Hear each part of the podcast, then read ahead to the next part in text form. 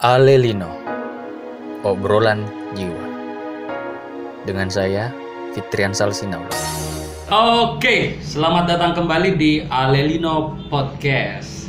Sekarang saya berada di sebuah cafe di dekat flyover, namanya Plus Minus Cafe.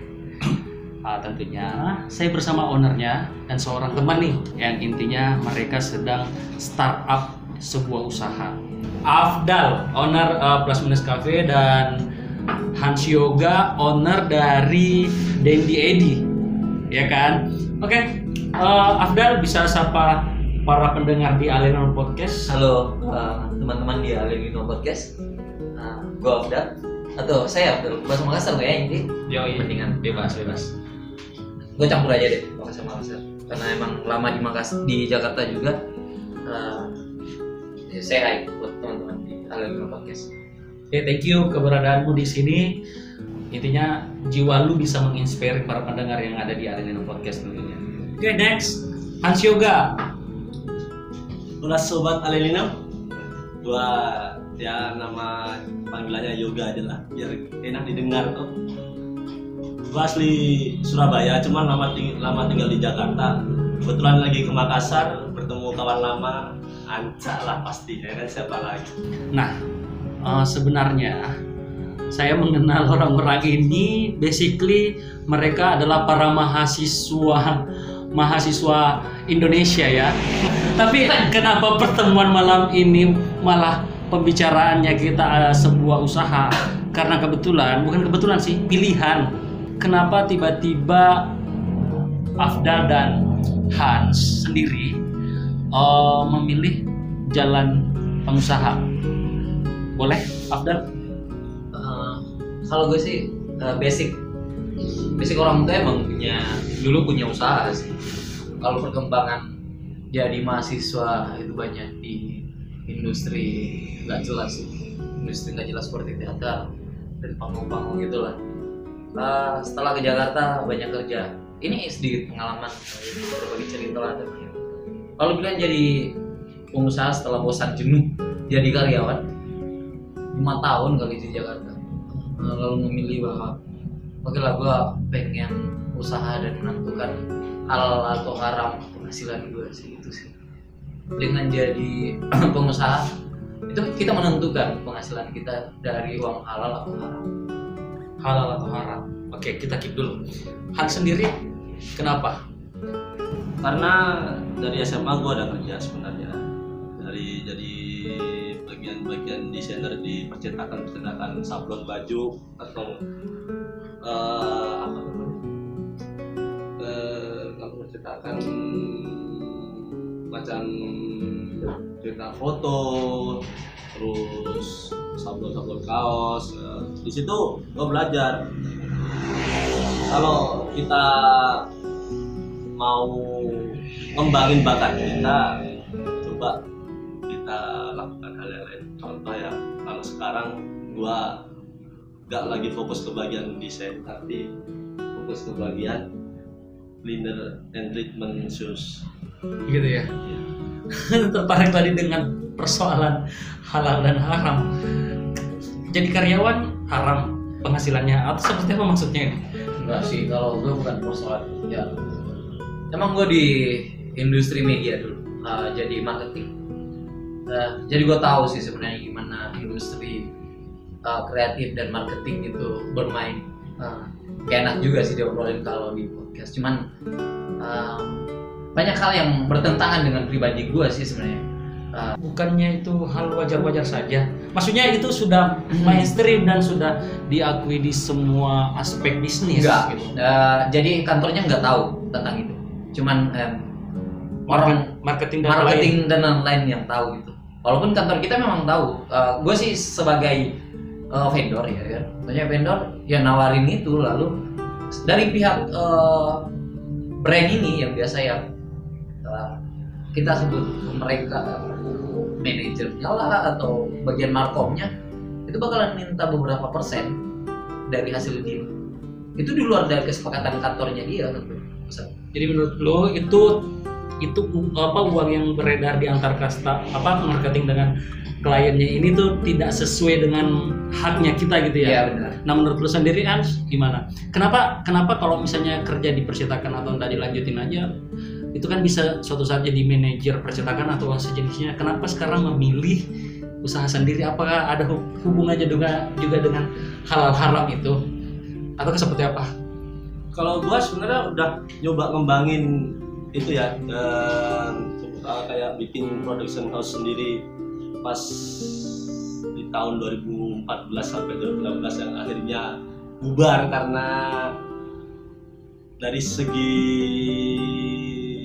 personalnya atau uh, SDM-nya mereka lebih milih kerjaan yang pasti daripada kayak gini terus akhirnya kita pemasukan juga nggak pasti. Ikut event sana sini juga. Ya bisa sih bisa dibilang hasilnya nol. Nggak ada pemasukan apa apa ya kan? Karena kita bersaing dengan industri perfilman kelas kakap ya. kita cuma baru orang mau merintis tapi malah langsung disandingkan dengan kayak gitu tuh. Sebenarnya pengalaman bagus cuman kalau dari menurut gua sih bukan selevelnya mereka lah kita ini kan? Akhirnya dari situ gua banting setir lah coba apa yang uh, istilahnya peluang yang bagus untuk dicari di Jakarta ini? Nah, timbullah ide tadi itu untuk dibikin sushi and treatment cleaner dan dan cleaner ya.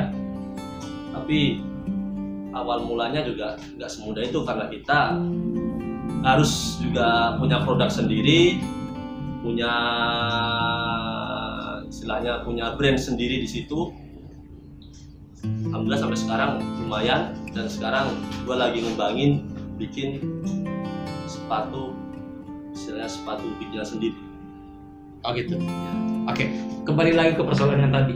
Sekarang saya mau coba mengambil kesimpulan bahwa anak muda sekarang, startup pengusaha sekarang itu mereka-mereka yang memilih jalan dari karyawan yang gagal. Menurut kalian gimana? Iya, iya karena kan lu lu enggak Nggak. enggak tahu, enggak dengar dulu. Karena salah satunya eh, men- menurutnya wah peredaran uang ini eh, Itu eh, peredaran uang ntar peredaran uang ini nggak nggak bener nih Hmm. Nah sedangkan yang lain kan mengesahkan itu aja itu wajar-wajar saja. Nah kalau Han sendiri, wah ini nggak bener nih antara persaingan bagus siku-siku di antara produksi yang satu dengan produksi yang lainnya. Kalau saya menganggap, eh, oh berarti pengusaha-pengusaha muda sekarang itu karena kegagalannya menjadi karyawan gimana menurut kalian? Ah, gini. gua agak ngelurusin sih. Hidup sebenarnya itu antara dipilih dan memilih. Dipilih dan memilih. Dulu gua kerja dipilih dan eh, setelah pengalaman kerja gua memilih. Lalu sekarang ini pilihan hidup bahwa eh, gua kerja pernah emang pernah kerja lima tahun. eh, lalu itu hanya sekedar menurut gue emang sekedar buat pengalaman buat gua doang. Setelah itu emang gua Nah ini kadang anak muda nggak punya tujuan kerja sama orang. Nah, kalau gue emang punya tujuan, punya basic bahwa gue cuman waktu itu gue kerja di Jakarta lima tahun. Lalu tujuan gue setelah kerja itu pengen emang pengen buat usaha. Oh gitu. Iya, makanya. Nah kadang kadang kita nggak banyak orang yang nggak punya tujuan sebelum melangkah. Sebenarnya kalau gue emang punya usaha sebelum eh, dulu punya usaha di sablon juga. Sebelum gue pindah ke Bekasi waktu itu kuliah gue punya usaha sablonan eh, di kampus lah waktu sembari kuliah nyablon. Lalu eh, pindah ke kuliah ke Bekasi gue titip lah sama junior gue dan alhamdulillah sekarang malah lebih bermanfaat eh, industri sablonnya. Lalu pas gue kelar kuliah dan kerja di Jakarta emang ya ini sih sebenarnya. Mungkin pesan orang tua karena ngelihat orang tua punya usaha itu lebih lebih menarik sih. Lalu yaudah nggak apa-apa lu kerja sama orang. Eh, eh, tapi ingat kamu harus punya tujuan. Tujuan nggak selamanya bakalan jadi karyawan. Ya ini ini eh, banyak anak muda yang punya potensi tapi nggak punya tujuan. Makanya gue gue pikir kalau gue sih emang selama di Jakarta waktu itu emang gue gonta-ganti perusahaan emang kayak ya mungkin aja bakalan uh, tahu waktu gue kerja di Jakarta uh, ya bu- per beberapa bulan gue di perusahaan mana lagi. Beda lagi, beda lagi nggak tinggal. gue cuman challenge diri gue untuk banyak berteman bergaul di industri media waktu itu. Lalu ya dengan kondisi seperti itu bahwa uh, gue nggak bisa berkarir selama itu di di Jakarta. Lalu gue pilih untuk pulang di Makassar. Lalu ya memilih bahwa gue udah punya pilihan gue mau di mana untuk membuat kafe Iya, Plus eh, minus buat ini. eh, kedai, kedai lah kita buat. Eh, sebutin di kedai, kedai kopi plus minus. Nah itu eh, pilihan gua setelah benar-benar kayak ya udahlah. eh, eh, gua pengen punya usaha setelah eh, lima tahun kerja sama orang. Gua udah pernah ngerasain dia anjing-anjingi sama bos gua, dikatain kampret tiap hari bangun pagi. Setidaknya gua punya pengalaman yang besar memimpin eh, dan dipimpin. asik sekali. Nah lu sendiri ya gimana apakah kekecewaan yang membuat lu buat usaha ataukah itu by strategi? Atau seperti apa? Share dulu lah. Gua setuju dengan pemikirannya Afdal tadi itu.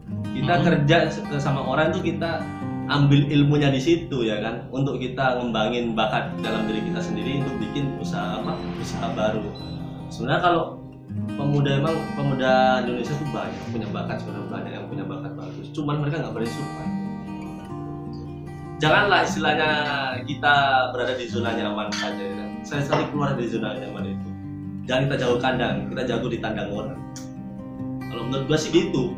Soalnya kalau kita jago di kandang sendiri kita nggak tahu di sana di luar sana itu kehidupan untuk bersaing secara bisnis tuh kayak gimana sadisnya tiap kota itu punya ritme yang berbeda untuk persaingan bisnis.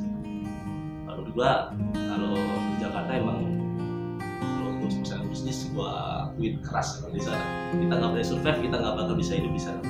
Oke. Eh, teman-teman sepakat di sini kalau misalnya eh, guru yang paling apa menarik itu adalah pengalaman. Sekarang saya kasih pertanyaan yang kalian harus jawab terus eh, mungkin saya minta pendapatnya kenapa?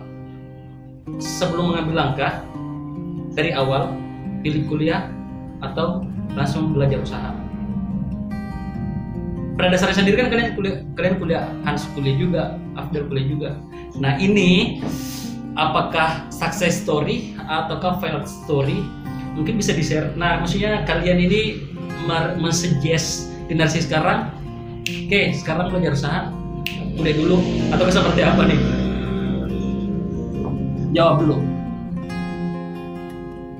Ini kalau untuk Mas eh, ini tergantung di kita di mana kuliahnya. Kalau gue harus diimbangi sebenarnya. Eh,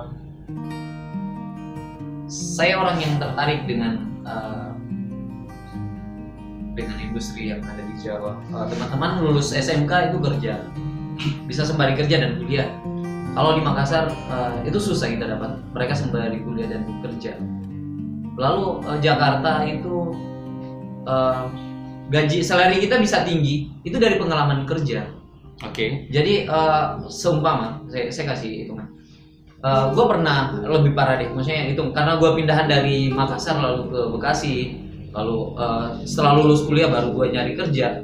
Waktu itu gue disetarain sama anak lulusan SMA, padahal gue S1 karena emang gue nggak punya eh, Pengalaman. pengalaman kerja. Eh, lalu anak SMK ini dia baru mau lulus kuliah dan punya ah, belum punya pengalaman juga dan itu disetarain lalu gue lihat keseharian di kampus teman-teman gue yang kayak eh, sembari kuliah pas dia lulus S1 itu digaji lumayan tinggi karena mereka punya pengalaman kerja 4 tahun selama kuliah dan kita gue orang Makassar yang eh, eh, separuh kuliah di Makassar dan kuliah di sana itu pas lulus?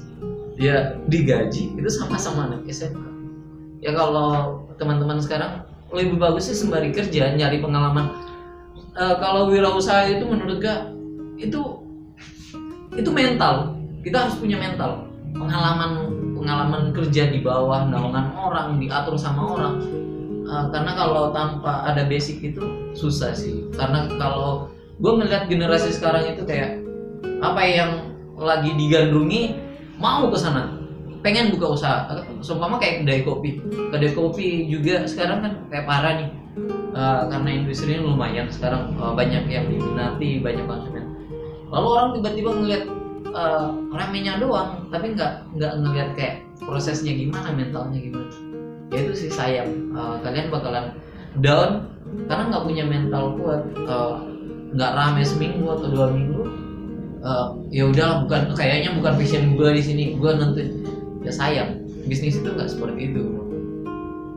Ya kalau gue Jadi nggak milih jalan dua-duanya. apa? Pertanyaannya tadi usaha atau kuliah? kalau gua eh, kuliah kuliah tetap kuliah sambil usaha. Kalau kalau malah kalau usaha sendiri enggak kalau gua nggak saranin usaha sendiri sembari itu. Tapi kuliah lalu nyari pekerjaan sembari kuliah dan kerja. Pengalaman gitu ya. pengalaman. Karena lu ngapain kuliah eh, lulus kuliah tanpa pengalaman? Sayang juga. Lu nggak bakal dibayar mahal sama perusahaan. Ini ini berbicara ini kan kelak kalau menurut lu udah eh, pas eh, kelar kuliah lalu pengalaman lu udah banyak eh, kerja di industri orang lalu menurut lu ya udahlah gua pengen buka usaha. Ya mungkin saatnya ya kan lumayan 4 tahun lu be- be- belajar sama orang nih ya kan lu bakalan tahu gimana kondisi di kejadian gua sama orang Uh, karena uh, pengalaman kerja sama orang nggak bisa dibeli. Benar benar. karena kalau ya itu yang gue bilang tadi uh, hidup ini dipilih dan memilih. Pilih dan memilih. kalau lu nggak punya skill lu dipilih. Tapi kalau lu punya skill lu berhak memilih Underline ya. ya Menarik banget. Anda sendiri usaha atau kuliah?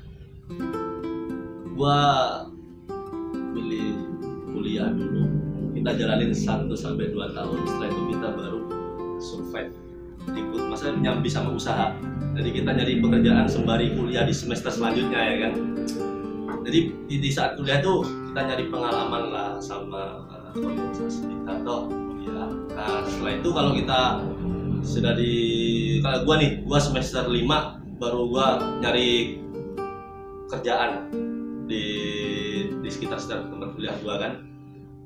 Di situ kita soalnya kalau gua semester 1 dan sampai semester 4 itu kita nyari bakat kita dulu. Di mana sih? Pas- passion kita di mana ya? Kalau gua emang dasarnya dulu gua dulu dari SMA udah ada eh, passion gua di desain. Makanya eh, gua nyari orang yang sehobi sama gua dulu. Udah temu nih klub Nah, gimana kalau kita bikin kayak yang tadi gue bilang produser kasus kecilan itu kan kita bikin kita, kita berkarya dari videografi fotografi sama desain grafis. Kan di situ kita bisa lihat kemampuan kita sejauh mana kita ikut event di luar itu. Itu kan sama aja kayak pengalaman. Kita cari pengalaman di bidang kalau ini bidang multimedia berarti ya bidang multimedia Berarti sama ya.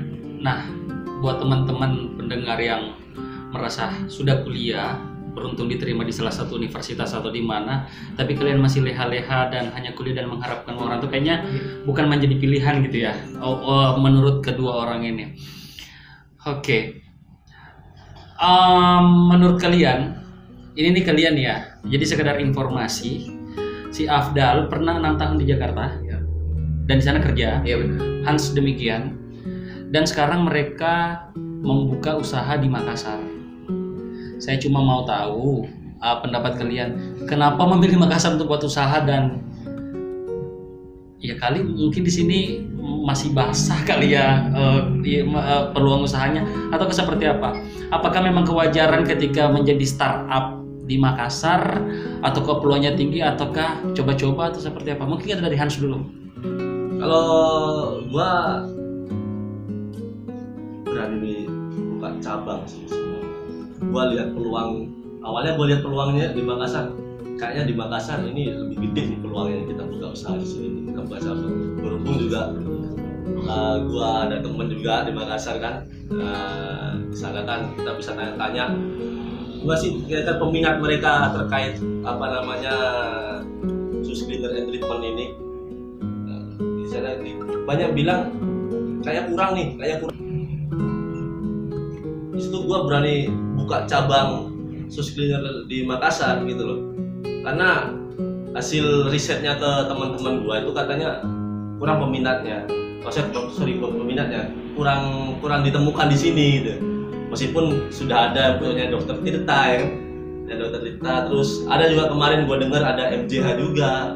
Tapi kan kalau kita survive kalau gua nih gua berani survive dulu di survive harga. Sama kualitas. Kalau urusan rame atau enggak itu belakang. Yang penting kita berikan dulu yang pelayan terbaik ke customer.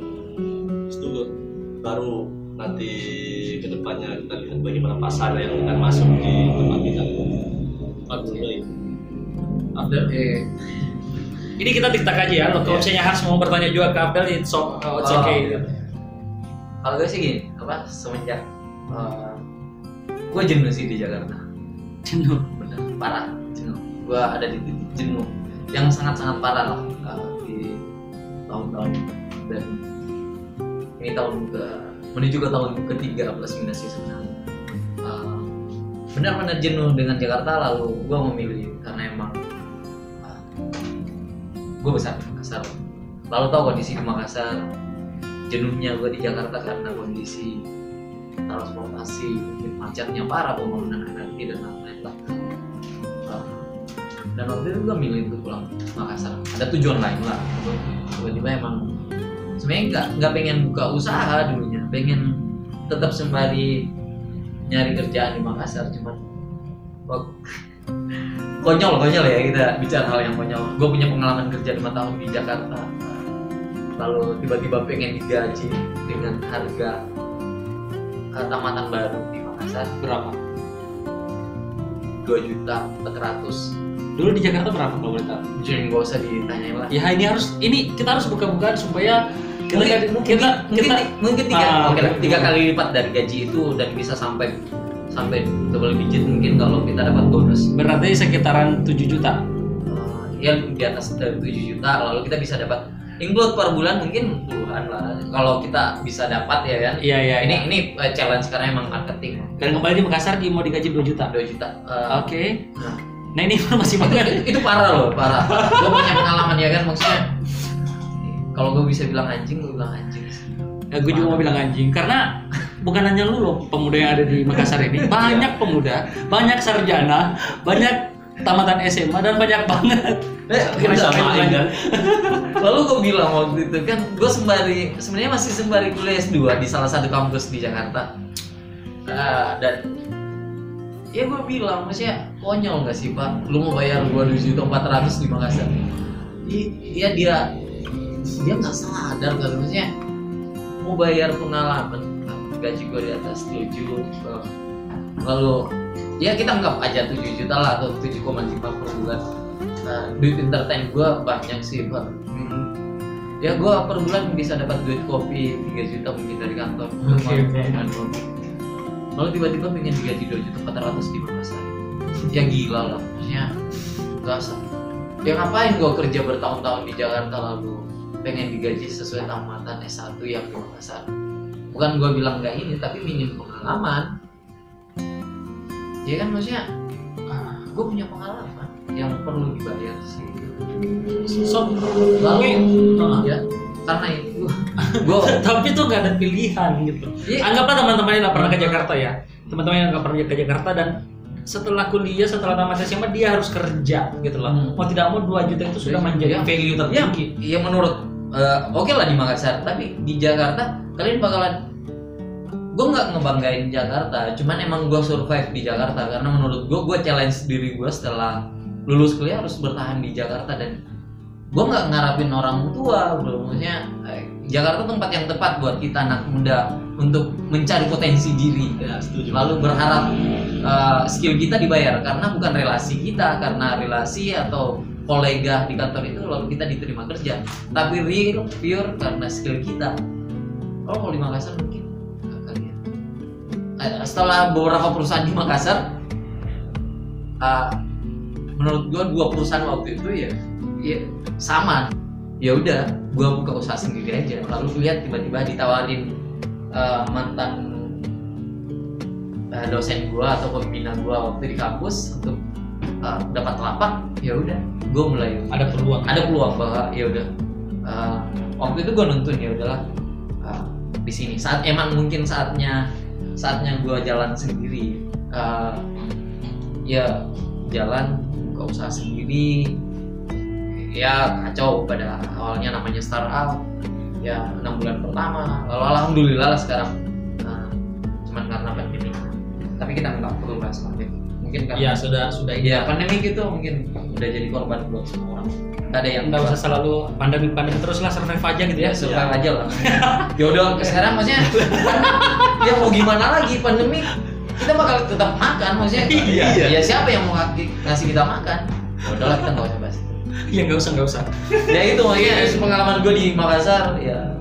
Ya kayak gitu maksudnya Oke. ya, ya ini mak- tahun ketiga Ah, teman-teman pendengar, jadi eh, apa ya?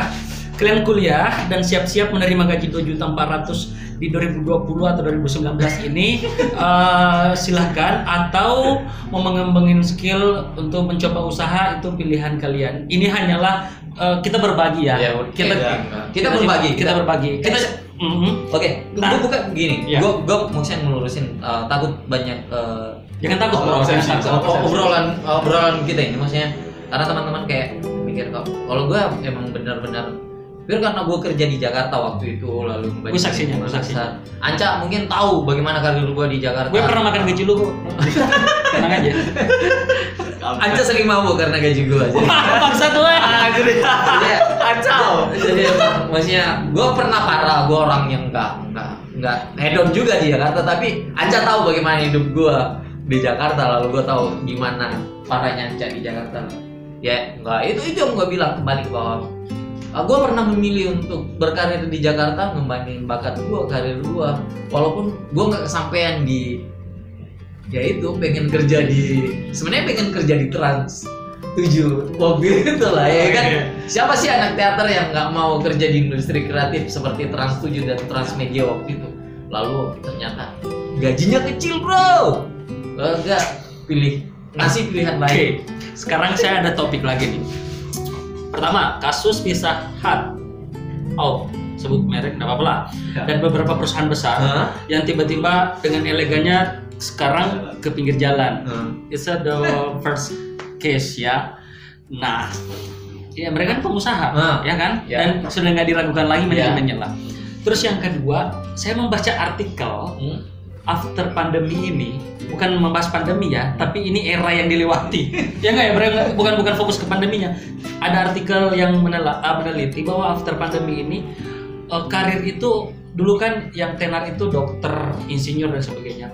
Nah, yang paling populer di masa yang akan datang adalah eh, profesi-profesi CEO, startup dan sebagainya. Menurut lo gimana nih?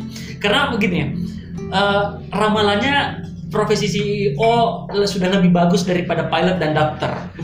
itu itu itu itu yang menurutku oh oh begitu kah?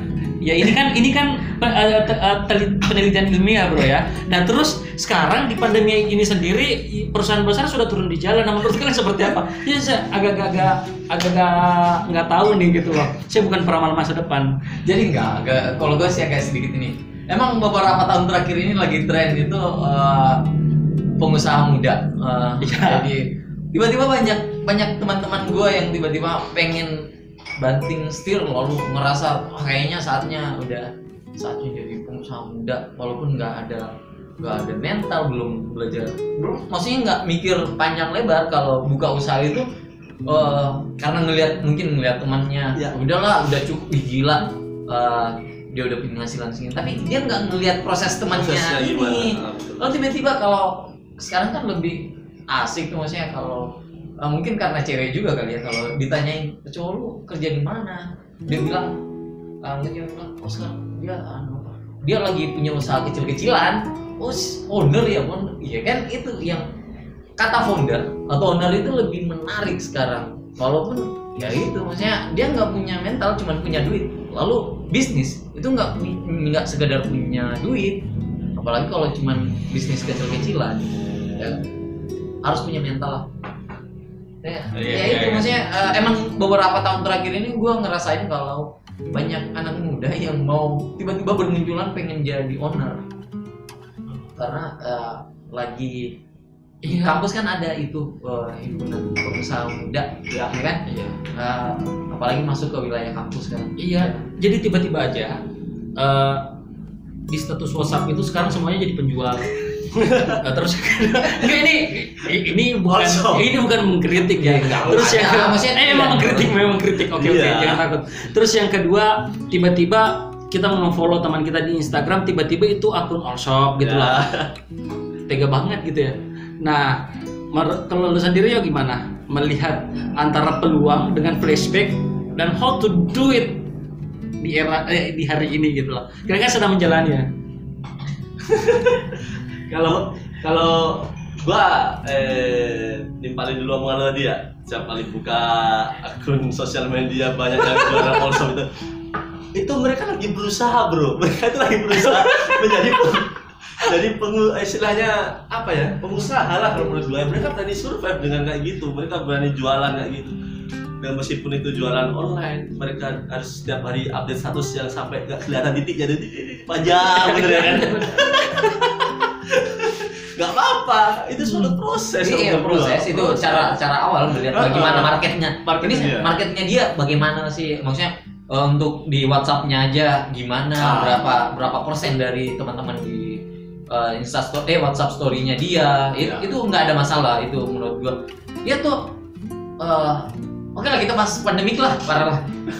Eranya doang, bukan kasusnya ya. Iya eranya. Maksudnya kan eh, semua orang kekurangan sekarang kekurangan duit pasti. Ada yang di PHK dari kantornya ada yang nggak duit lemburannya nggak nggak ada karena lemburan dikurangin. Lalu ternyata kebutuhan rumah tangga banyak ada cicilan ini cicilan itu. Ya star ayo eh, Starbucks lagi sorry oh, pizza aja udah ke, ke pinggir jalan ya oke kita sebut merek lah maksudnya ini apa. pizza aja Ini sampai ada masalah apa plus minus dengan Starbucks? Nggak ada. Nggak ada. saingan kopi kayaknya Kita terus terus terus. Nah, itu bukan kelas kita, dia jauh lebih lebih lah. Plus minus Ya. lebih tinggi value-nya, Ya, bro. uh, daripada plus plus Starbucks. minus kita uh, karena kita ngolah kopi tradisional. Nah itu dia, lebih Nah. pure kan? Nggak perlu dibahas kali ini. Ya, Enggak, oke, kita bahas yang tadi pizza.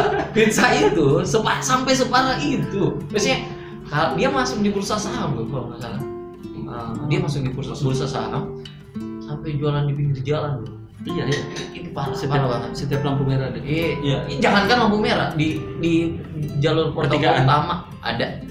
Dan gimana dengan teman-teman kita yang dirumahkan atau nggak dapat lemburan, sedangkan mereka punya tanggungan sebelumnya sebelum masa pandemi ini datang, eh, mereka mungkin ada pinjaman ini, pinjaman itu, lalu ngarep dari duit lemburan, tapi kan nggak, mungkin sekarang nggak ada duit lemburan, jadi eh, melihat ya nggak ada salahnya sih mereka buat eh, WhatsApp story jualan ini. Itu menurut gua. Tapi eh, ya kan berbisnisnya beda. Mungkin kalau kayak kita udah kayak nyewa tempat eh, tanggungan listrik eh, maintenance karyawan ya itu sih. Membedakan kita membedakan kita itu nggak nggak karena jual online doang. Kita jual offline. Jadi resiko resikonya kita sebenarnya eh, ini bagaimana kita memilih resiko resiko bisnis sih? Nah, yang paling penting sekarang pertanyaannya banyak sekali pertanyaan gue deh. Eh, ini kan kalian sudah menjalani ya, sudah hitungan tahun lah. Eh, susah nggak? Gitu loh. Susah, susah nggak sih? Terus yang kedua, mesti bertahankah? Karena banyak banyak yang memulai dan banting setir lagi dan seperti ini. Kalau Abdul sendiri saya lihat eh, dari kampus dan sudah sekarang kita di Plus Minus Coffee di Urip samping flyover ini suasananya kayak gini itu sudah ada peningkatan lah kalau menurut gua tuh An sendiri dari Jakarta kemudian buka cabang di Sulawesi Selatan Eh, gampang atau susah atau seperti apakah ininya? Mungkin bisa di share mungkin dengan perjalanan kalian ada yang terinspirasi jadi berusaha ataukah sama sekali udahlah daripada kayak mereka nanti. Coba bisa di share mungkin kali ya bro ya. Daripada enggak daripada teman-teman kita memulai itu kemudian hanya memulai tok dan rugi rugi kayak mungkin bisa menginspirasi lah. Ya kalau kalau gue ya. Kalau gue berangkat dari banyak pengalaman sih ya karena gue selalu kembali kalau uh, awalnya tiba-tiba buat usaha. Parah sih dia enam bulan pertama itu gue nggak mungkin sehari nggak nggak dapat pemasukan satu atau dua. Lalu uh, waktu itu nggak ada karyawan gue doang langsung uh, mental gue parah. Maksudnya gue tiba-tiba kayak ngancurin harga diri gue ini kan mental ah, mental kita image kita di apalagi gue di kampus waktu itu. Eh, mungkin banyak orang yang kenal siapa lah kalau kembali lagi mental gue tiba-tiba eh, mesti dicoba. Eh, enam bulan pertama kacau kacau kacau parah. Tapi gue masih selalu bertahan kalau uh, ya ini pilihan gue saat ini. Ya gue harus jalan dan ya uh, gue nggak tahu hadisnya apalah siapa yang bersungguh-sungguh dia bakal mendapat hasilnya. Dan uh, selalu ada kata-kata yang dari dulu mungkin dari senior atau dari abang-abang. Proses tidak akan mengkhianati hasil. Dan gue berproses asli. Uh, kalau banyak yang ngeliat sekarang uh, jangan nge- ngelihat orang dari hasilnya ngeliat dari prosesnya. Uh, teman-teman harus punya mental belajar jadi karyawan dulu menurut gue kalau saran gue sih saran gue untuk teman-teman yang mau mulai usaha kalau belum pernah jadi karyawan belajar dulu jadi karyawan. Baru buka usaha karena kita butuh mental untuk itu ngerasain jadi karyawan uh, ngelola sebuah bisnis. Itu nggak nggak mudah sebenarnya. Banyak orang yang bilang manar itu gak enak kok. Nggak. Karena kita kita nggak ada tidur sih sebenarnya. Kalau malam itu mikirin bagaimana pengembangan bisnis bagaimana mendingan jadi karyawan sih sebenarnya. Aman gitu aman maksudnya lu bakalan terima gaji kan setiap bulan. Mau rame atau enggak lu bakalan tetap gajian. Kalau lu owner lu bakalan mikirin eh, mikirin gaji karyawan lu mikirin bayaran sewa bayaran listrik maintenance ini maintenance itu. Ya itu sih yang gue pikir kayak benerin dulu mental lu deh. Baru memulai baru memulai karena jangan jangan asal ya yang penting kau usaha aja dulu ntar nggak seperti itu bro Eh, lalu dibutuhkannya ya eh, mau rame atau enggak buka aja dulu ya kan rezeki nggak nggak ketukar kok Jadi nggak ketukar. Jadi lu tetap suggest teman-teman untuk eh, berusaha tapi persiapin diri lu Iya, dulu benar. gitu ya. karena eh, nggak bisnis itu nggak semata-mata tentang uang kok kalau kecuali lu main miliaran ya, investasi miliaran kalau lu hanya main di bawah 100 juta atau 200 juta lu nggak bakalan bisa bayar supervisor manager dan lain-lain. Lu harus mikirin bagaimana bisnis lu kalau kecuali lu bayar manajer supervisor ya lu nggak usah pikirin lu minta duit doang. Ya kan? Kalau lu bayar manajer sama supervisor kan lu ada tekanan ke Bawah. ke bawah untuk membagi tadi tuntutan. Han sendiri kalau gua memang awal-awal dulu tuh wah kacau bro. Karena nyari pasar tuh karena gua juga bukan pure gua sendiri yang punya itu usaha. Gua, gua joinan juga sama temen gua ya kan? Jadi yang lebih banyak aktif tuh sebenarnya dulu tuh temen gua. Dia berani marketing ke sana kemari untuk untuk promosi produknya dia dia dari dari awal-awal pasar kami itu cuma temen kerja dia gitu ya kan. teman-temannya dia teman-teman nongkrong dia yang akhirnya sekarang yang akhirnya sekarang ya syukur alhamdulillah eh, sudah banyak peminatnya sampai eh, kita mengembangkan lagi buka cabang di Makassar juga terus kita berani juga buka apa bikin brand sepatu sendiri. Eh, coba kita lihat pasarnya ternyata juga banyak peminatnya alhamdulillah juga.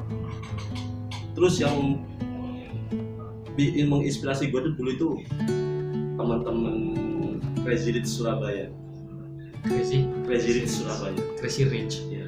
Eh, dia ya sekumpulan orang Cina yang kayanya itu di atas rata-rata bro. Serius jadi mereka di sana itu mereka yang kaya gitu aja mereka masih mau usaha gitu.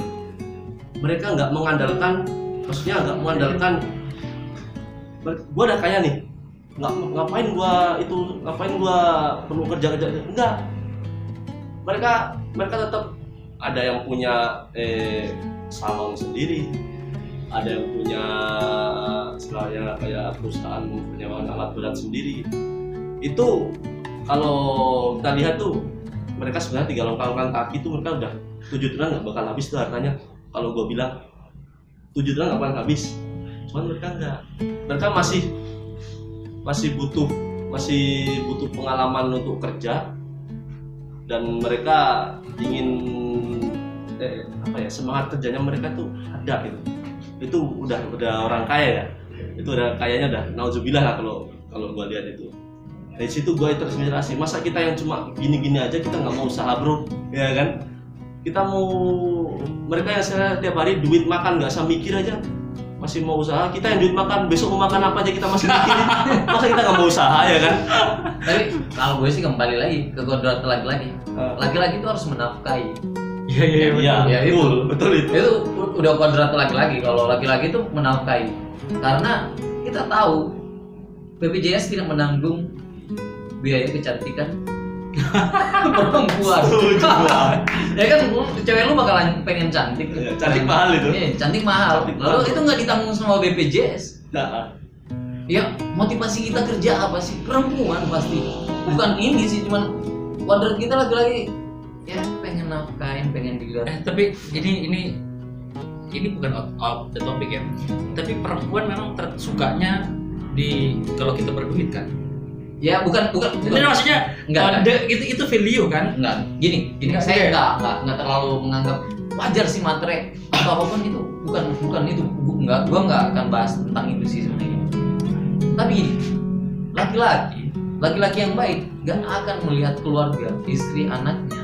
Itu enggak hidup enggak berkecukupan Oke. A simpel sih kata oke, gua oke. maksudnya karena harga diri kita ada sama perempuan Oke. oke. kalau perempuan walaupun perempuan itu enggak ada harga dirinya sama laki-laki Jadi bukan persoalan materi dan kekayaan bukan. Enggak, enggak, enggak. Tapi lebih ke ke bagaimana lu menafkahi anak istri lu doang Memang seumpama kalau kalau lu belum nikah sekarang ya lu berharap bahwa uh, cewek lu maksudnya lu bak nunjukin bahwa lu bisa mampu untuk menghidupin dia tapi kan perempuan yang baik perempuan yang bisa mengedampingin lu dalam proses nah ini yang dibutuhkan juga ya dalam proses uh, bisnis itu kalau ada perempuan itu jauh lebih motivasi eh, mungkin pertanyaan terakhir. Eh, topiknya kita kan tentang way entrepreneur ya. Mem- Kenapa jalan kalian menjadi entrepreneur?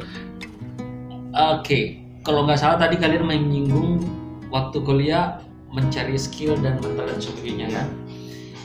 Abdul sendiri kalau se- setahu saya seorang aktor, aktor teater pernah saya lihat dulu ya, jangan mengelak dan berbagai berbagai skill. Terus Hans eh, kameramen, editor juga. Nah, sekarang jadi bisnis kopi si Afdal dan si Hans eh, sepatu. Eh, maksudnya hubungannya di mana gitu? Eh, and then ya enggak enggak siapa tahu ini bisa. Karena kan apakah menjadi aktor itu tidak bisa jadi pengusaha? Aktor kan misalnya? Atau kan desainer tidak bisa? Kenapa tidak bertahan di situ? Ataukah seperti apa nih gitu loh? Hans dulu, Hans dulu, Hans dulu. Kalau gue sih agak agak mungkin agak lucu sih buat gue pernah ngelitik Anca tentang itu.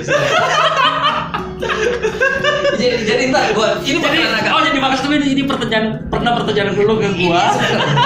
ini sebenarnya kayak kayak pertanyaan ini yang kayak gue tunggu sih sebenarnya. Kalau lu tanya tentang gue bagaimana jadi aktor kenapa nggak masuk di industri? Anca pernah tidur tiduran di depan taman tim itu di Ini akan saya edit kok. Kita bahas itu ini agak agak lucu. Anca sebelum jadi S2 itu parah lah aduh kacau. Oke oke oke. Saya kan moderator bro. Kayak masa lalu nih kayak masa lalu nih. Enggak lu lu bahas bagaimana kenapa nggak di industri teater ya? Eh. ntar kita Oh enggak, enggak tapi tapi antara skill yang lu dapat waktu lu lagi nyari memprepare diri kan gitu loh. Terus kenapa memilih way ini gitu ya?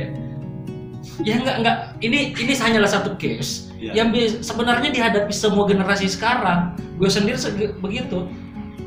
kampus itu persinggahan buat kita sebenarnya untuk mencari tahu potensi kita lalu uh, teman-teman harus benar-benar menikmati proses di kampus berteman dengan siapa saja yang yang positif maupun nggak positif menurut gue karena itu pilihan sebenarnya kita memilih untuk bergaul sama siapa ngambil uh, memanfaatkan pertemanan itu lalu setelah itu Jakarta Jakarta gue masih masih di industri teater waktu itu.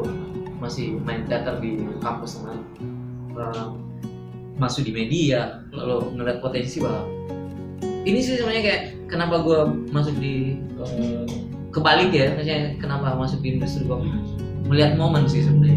Bahwa momen ini ya. Kayak oke lah passion gue kayaknya bakalan di industri kopi karena gue senang kopi. Uh, ya itu. Masuk ke industri kopi lalu lihat sih. Peluang berarti. peluang melihat. Ya itu kita pandai-pandai melihat peluang. Teman-teman yang mau berkarir bukan karena sekarang lagi rame kopi tiba-tiba semua ke kopi. Enggak lah menurut gua. Maksudnya eh, lu harus pin ya ini maksudnya orang yang pebisnis yang handal ya dia yang pandai melihat peluang bisnis. Bentar. peluang bisnis atau peluang yang ada di dalam diri lu gitu.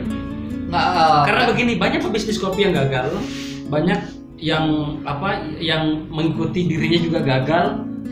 Menurut lu gimana bro? Uh, itu seimbang sih kayak, kayak uh, semua pekerjaan uh, kalau nggak kita jalani dengan sungguh-sungguh uh, ya susah sih kayak ag- agak bingung juga saya kayak tiba-tiba gue memaksakan diri gue bahwa uh, sebenarnya dulu nggak suka kopi padahal. Jujur aja misalnya tapi tiba-tiba ngeliat uh, peluang kopi gue belajar uh, kopi.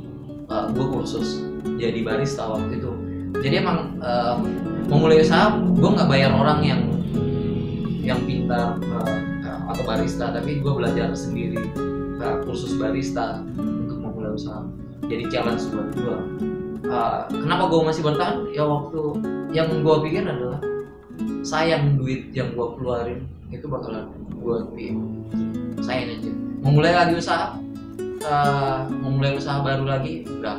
Gue cukup yang gue bilang tadi teman-teman cukup ikhtiar aja fokus dengan usaha bisnisnya. Kalau bisnisnya udah dewasa ya udah ngembangin bisnis lagi. Itu sih jadi kayak banyak orang sekarang baru sebulan dua bulan rame buka cabang lagi tiba-tiba enggak. Itu bisnis enggak enggak seperti itu sebenarnya. Bisnis itu kadang ada hari ini bulan ini rame bulan depan enggak ada masa seperti ini.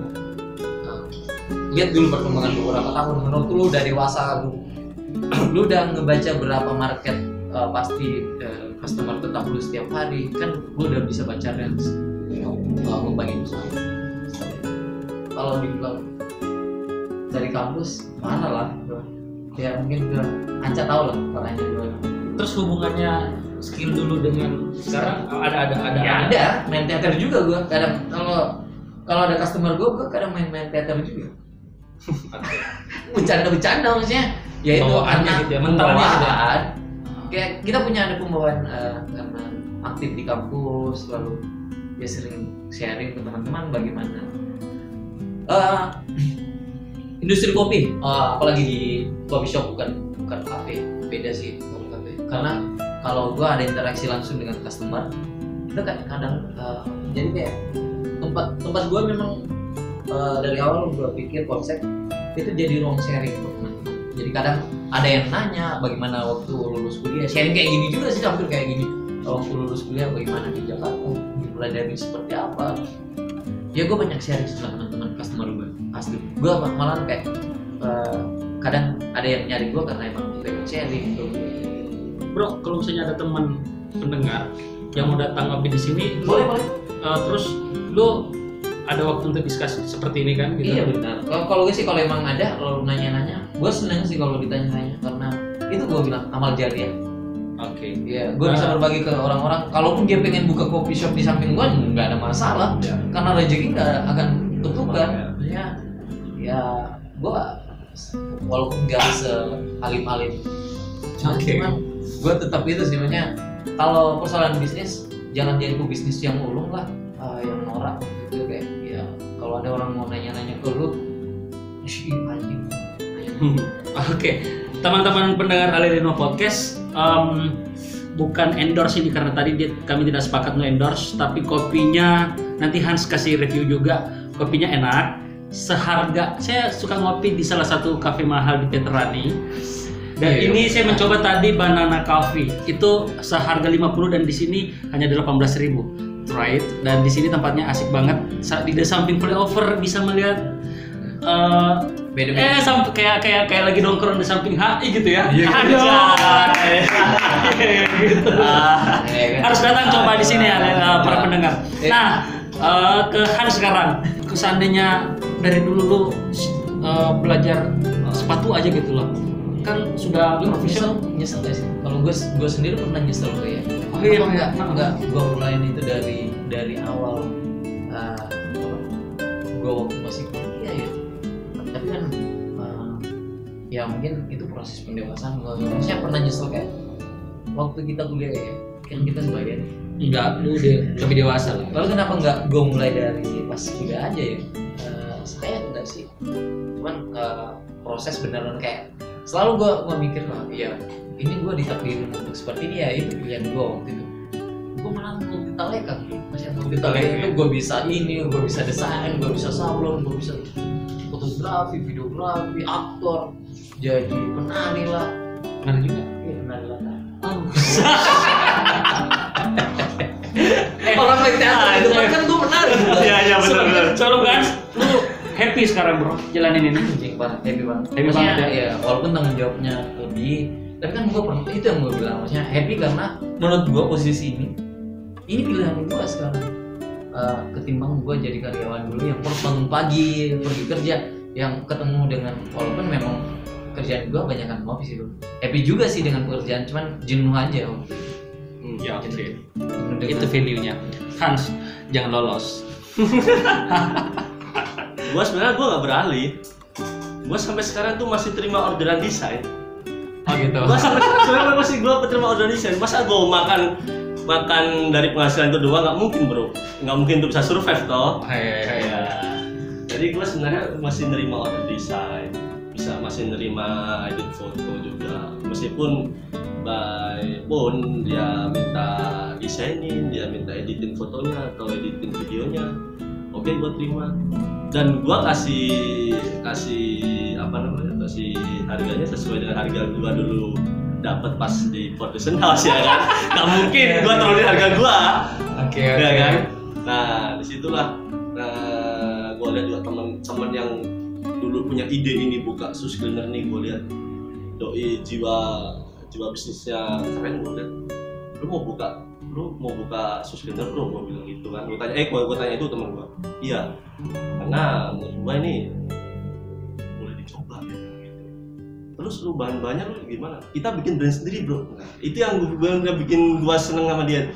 Dia berani bikin brand sendiri dia berani nyoba bahan-bahan sendiri dan di situ nggak sedikit biaya yang yang dikeluarkan untuk bikin untuk apa namanya eksperimen punya produk sendiri Oke, berarti dari apa informasi dari lingkungan ya, ya. Ada peluang ini. Jadi kembali lagi eh, lingkungan lu yang kemudian ada informasi itu yang kemudian mengarahkan ke misalnya persoalan sepatu dan sebagainya gitu. tadi yang dibilang Ahmad juga gue setuju karena kita melihat peluang aja pandai-pandai punya iya jangan lagi rame-ramenya ngerja ini menutup di sini Eh tapi eh, sebenarnya ini apa celoteh beberapa tahun yang lalu. Di Sulawesi Selatan itu kalau ada buka uh, kopi semuanya nggak bisa. Kalau buka laundry semuanya laundry. Terus buka penjual apang sekalipun sekarang Semuanya banyak banget ikut-ikutan. apang. Anjir. Eh, lu, lu tau nggak di sidrap tuh? Ribet berjejeran gitu loh banyak kan gini, itu itu dibilang pebisnis lata. Ya latah itu menurut bisnis lata yang yang sebenarnya ya gue bilang gini itu nggak akan bertahan lama. Orang yang lata itu nggak akan bertahan lama. Karena apa yang dilihat orang ya itu pengen dilihat juga tapi nggak nggak bisa sebertahan itu. Ya ber- kalau emang lu udah kalau gue sih emang kayak udah belajar uh, belajar barista ya, ya gue sayang aja orang yang berpikir kayak gue udah banyak ngeluarin duit uh, sekarang mesin gua gue beli mesin kopi yang seharga berapa. Ya sayang aja kalau gue tiba-tiba ada motivasi sih perlunya. Way-nya gitu ya? Ya. lu punya challenge buat diri lu. Oke. Bertahan. Tapi kalau anak muda kadang anak muda itu nggak bertahan lama karena ya jiwanya masih mau rontal-rontal maksudnya banyak hal yang pengen dicoba. Tapi sayang kalau kalian mulai bisnis gagal ya atau beberapa bulan nggak rame pindah lagi. Oke Eh, apalagi kan tuntutannya sekarang MEA itu masyarakat ekonomi Asia ya. ya Eh, mungkin ada statement terakhir bro sebelum ditutup. View-nya tadi kok rasa kopinya gimana nih? biasa aja deh Enggak, enggak. Nah, ini itu ra- rasa agak susah sih menurut gue. Rasa itu relatif. Kita nggak bisa bandingin rasa dari kedai yang mahal ke tempat yang kecil karena tempat kadang membawa membawa suasana rasa sendiri harga pun ya wajar. Ya. Kalau yang yang Anca pernah yang di jujur gue punya kedai. Tapi hampir setiap hari gue ke kedai eh, coffee shop yang besar di Makassar. Gue masih tetap keliling karena menurut gue enggak. Gue harus tetap challenge diri gue untuk ke tempat orang-orang untuk ngerasain. Saya santai aja. Rasa itu nggak nggak usah di review rasanya. Slow. Kalau gue sih kayak kayak gitu maksudnya Oke. eh, kalau orang bakalan datang datang ke tempat gue bukan hanya karena rasa tapi mungkin dia pengen sharing ke gue nyaman itu sih suasananya. Lu boleh mampir deh ke untuk sahabat pendengar kalau pengen mampir mampir. Gua jual robusta atau uh, biji kopi juga. Gua sangrai sendiri sekarang. Jadi emang uh, belajar mandiri uh, sendiri sekarang. Uh, punya mesin sangrai. Jadi kualitas kopi gua bisa gua jaga uh, dari ke- perkebunan langsung gua ambil. Uh, itu sih. Eh, kalau rasa relatif sih menurut nggak nggak bisa dinilai lah Anja bisa bilang itu entah dia bohong atau enggak gua nggak seneng itu Gue jujur, Pak. apalagi eh, youtuber sekarang atau selebgram Eh, gue youtuber loh. anjing enak banget ini Gue bukan youtuber, gue enggak bukan Maksudnya, art- gue bukan Iya, gue bukan artis yang memamerkan muka gue di video, men. maksudnya kepersoalan belum di di minuman anjing enak banget kopinya bangsat ya kan Oke, oke, oke. Oke, oke, oke. Berapa belum? Apa tadi ya? Ini pesan aja sama Pesan, pesan saya kan. Ah, ingat eh, sebenarnya pendidikan dan pengalaman itu sebenarnya alat bantu untuk meraih kesuksesan. Pendidikan dan pengalaman itu alat bantu untuk meraih kesuksesan. Itu kata-kata yang paling gua ingat sama temen gua di Surabaya. Dia bilang begitu karena apa? Karena sampai saat ini belum ada alat bantu yang eh, istilahnya indikatornya melebihi pengalaman dan pendidikan tanpa Pengalaman. pendidikan dan pendidik eh tanpa pendidikan dan pengalaman lu nggak mungkin dapat mencapai tingkat yang lebih tinggi untuk tataran eh, survive di dunia bisnis dan pekerjaan menurut, menurut gua dan menurut temen gua gitu yang di dan di Surabaya Oke. Hans, thank you uh, sharingnya di Arena Podcast. Uh, teman-teman yang mau cuci sepatu ini bukan endorse ya, saya inisiatif sendiri. Ada di Instagram Dendi ID di situ ada kontaknya. Dendi ID ya. dan dan di Dan di d a n d y dot id underscore mks atau Makassar oke. Statement terakhir Afdal. Hmm. pendidikan itu penting ijazah itu nggak penting sih Apa? Pendidikan itu penting ijazah itu nggak ijazahnya penting nggak penting Oh, jasanya nggak penting. karena ijazah gue belum gue ambil sebenarnya di Bekasi Oke. Oke. Uh, surat surat keterangan lulus itu penting ijazah mah ijazah nggak penting. Oke, kesimpulannya episode kali ini tentang entrepreneur dan startup. Pendidikan dan pengalaman itu penting dan pendidikan itu penting menurut Afdal tapi ijazah itu nggak penting. Iya kan Oke, see you di next episode Alelino obrolan jiwa.